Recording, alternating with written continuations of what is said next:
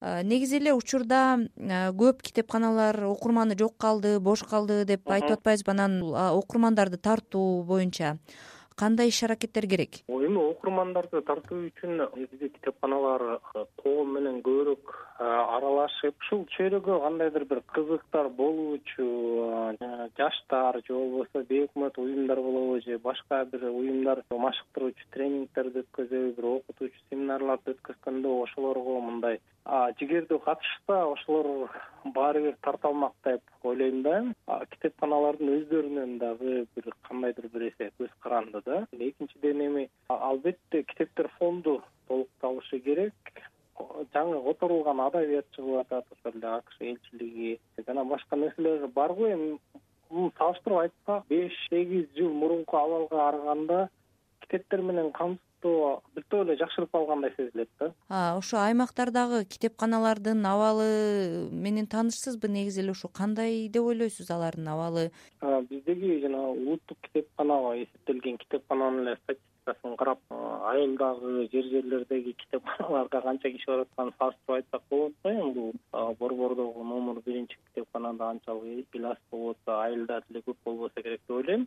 Идеялар болуп атат. Мисалы үчүн ошо айылдык китепканалар менен жана мектеп китепканаларын бириктирсе болуш керек деп. Анткени мектеп э, китепканага эми эң көп келүүчү баягы максаттык аудитория ошол окуучулар болуш керек. Ошондуктан алар ал жеңге жакындап барса балким эки жактан утуштуу болот беле деп ойлойм заман өзгөрдү да эми баягы кызмат көрсөткөн киши кардарга өзү барыш керек. Экинчи жагы жанагы азыр элдин баары эле жаштар болобу карган кишилер болобу баарыбыз эле маалыматты интернеттен алып атабыз. Жаштарды башкаларды тартабыз десе анда китепканалар ошол желеге туташып ошол элдер келип ошондон китепкананын өзүнүн каталогун карагыча баягы интернетке чыгып ал жактан дагы башка маалыматтарды алганга шарт түзсө жанагы бекер вайфай койсо ошондо элдер келип мурунку эски китептен жаңыча маалымат алуунун экөөнүн жолун айкашып балким андан дагы утуш болобу дейм да. Анан сиз айтып аткандай ошол баардыгы эле азыр э, интернет менен пайдаланып кандай гана маалымат болбосун интернеттен алып аткан заманда бул китепканалардын э, келечеги кандай? Мисалы айрым айылдарда чын эле бул жоюлуп кеткен же болбосо мектептин гана китепканасына айрым э, фонд өтүп калбаса жоюлуп кеткен учурлар дагы бар да. Келечеги кандай? Андай коркунуч толук түрдө эле бар деп ойлойм. Анткени айылдарда негизги негизги баягы окуучулар бул мектеп окуучулары да. Анан алар деле азыр маалыматтын баарын интернеттен алат.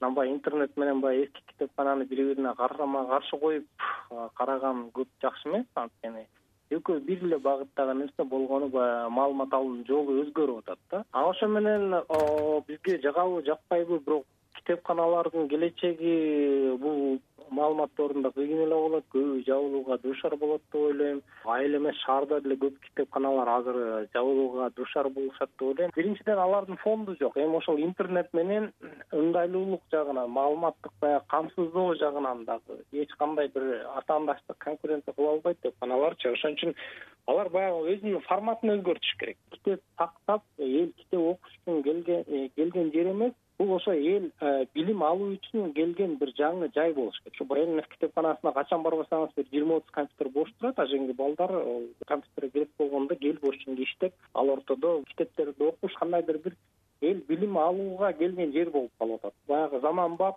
жабдуулар менен жабдылган байланыш технологиялары жана башка эми баягы маалымат фонддорун камсыздап берген жер болуш керек да. Болбосо кыйын эле болот